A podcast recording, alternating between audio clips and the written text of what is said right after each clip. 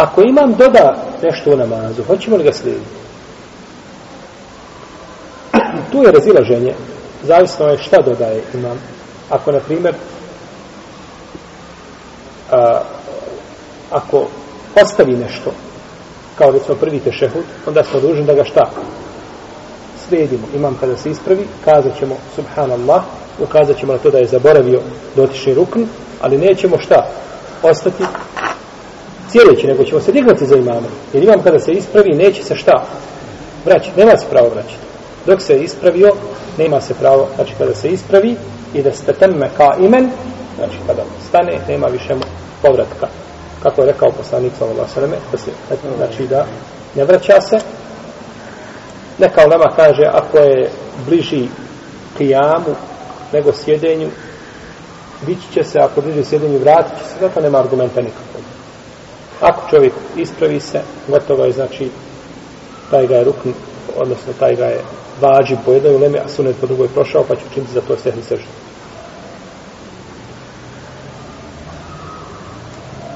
No, međutim, ako imam doda nešto u namazu, kao da recimo ustaje na peti rekat,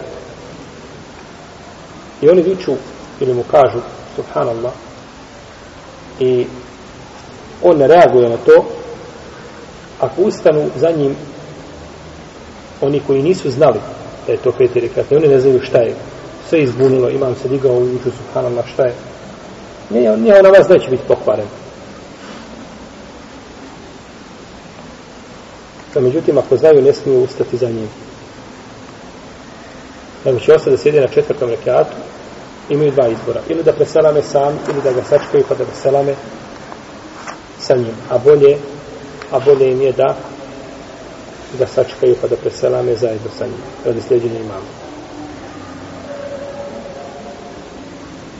No, međutim, ovo jedno mišljenje, šehol samim temije kaže, ne smiju ustati za njim. No, međutim, ima problem.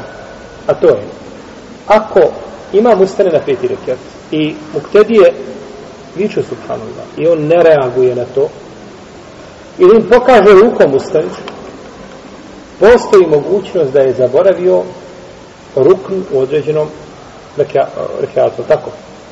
Pa mora doći sa tim, šta? Rekiat. Pa je zaboravio nešto. Pa tu ovaj presudni moment biva, ako ga svi upozoravaju, neće da sjedne.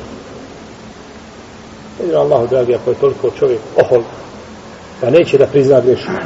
To je druga stvar. To se ne bi smjelo desiti. Poslanik sa osam je griješio, pita ljude, je li tako jeste, pa ustao pa je dovršio namaz. Je tako. Pa ne bi čovjek, i ne znam da ima imam koji je cijeli život kanjel nije pogriješio. To se nije desilo nikada. Jer meleki nisu imami, nego su ljudi, tako? Ovdje na zemlji. Pa je problem ako čovjek, ako imam nešto ostavi i govori da se ustane. Jer su ashabi ustali za poslanikom sa vasrame kada je gledao peti rekat.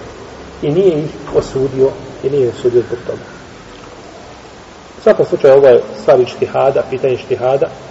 Kažemo prve, prvo, kada on se digne, oni ne trebaju se iz zemlje, nego trebaju šta? Pozoriti ga. A ako oni dalje nastavi i neće da sjedne, ili im pokaže da ustane, onda Allahu ta'ala da je jako mišljenje da trebaju ono usticanje.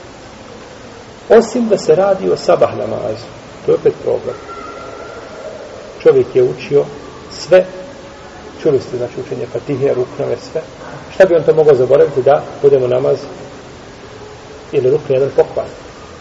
U svakom slučaju ovo je pitanje i čtihada i nema jasnih argumenta koji bi ukazivali na jedno i na drugo, nego je stvar znači zaključivanja iz hadisa koji se navede iz općenitih hadisa.